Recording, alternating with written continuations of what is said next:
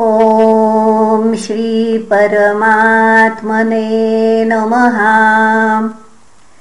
श्रीमद्भागवते महापुराणे पारमहंस्यां संहितायाम् अष्टमस्कन्धे चतुर्दशोऽध्यायः।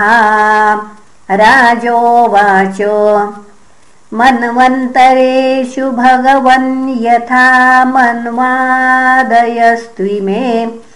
यस्मिन् कर्मणि ये येन नियुक्तास्तद्वदस्व मे। ऋषिरुवाच मनमो मनुपुत्राश्च मुनयश्च महीपते।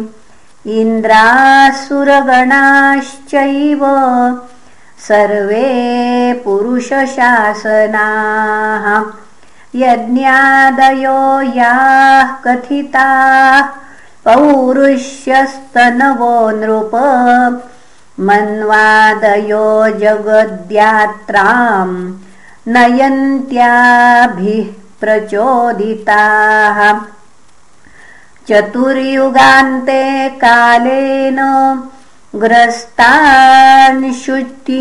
गणान्यथा पुनः चतुर्युगान्ते कालेन प्रस् पुनः चतुर्युगान्ते कालेन ग्रस्तान् श्रुतिगणान् यथा तपसारुषयोपश्यन्यतो धर्मः सनातनः ततो धर्मं चतुष्पादं मनवो हरिणोदिताः। युक्ताः सञ्चारयन्त्यद्धा। स्वे स्वे काले महिं नृप। पालयन्ति प्रजापाला यावदन्तं विभागशः। यज्ञभागभुजो देवा ये च तत्रान्विताश्च तैः।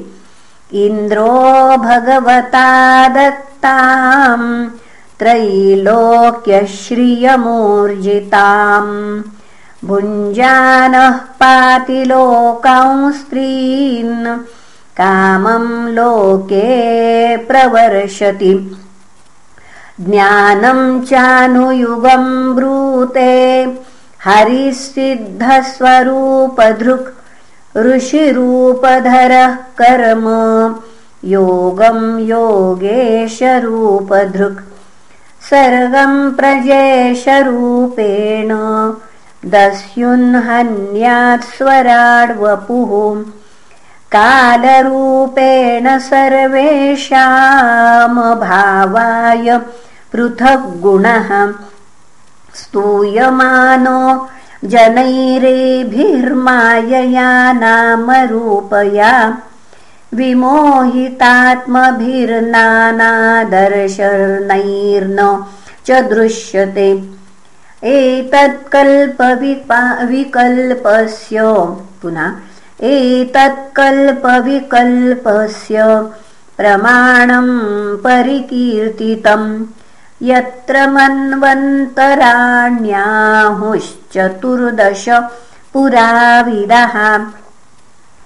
इति श्रीमद्भागवते महापुराणे पारमहंस्यां संहितायाम् अष्टमस्कन्धे चतुर्दशोऽध्यायः।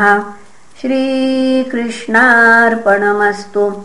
हरये नमः हरये नमः हरये नमः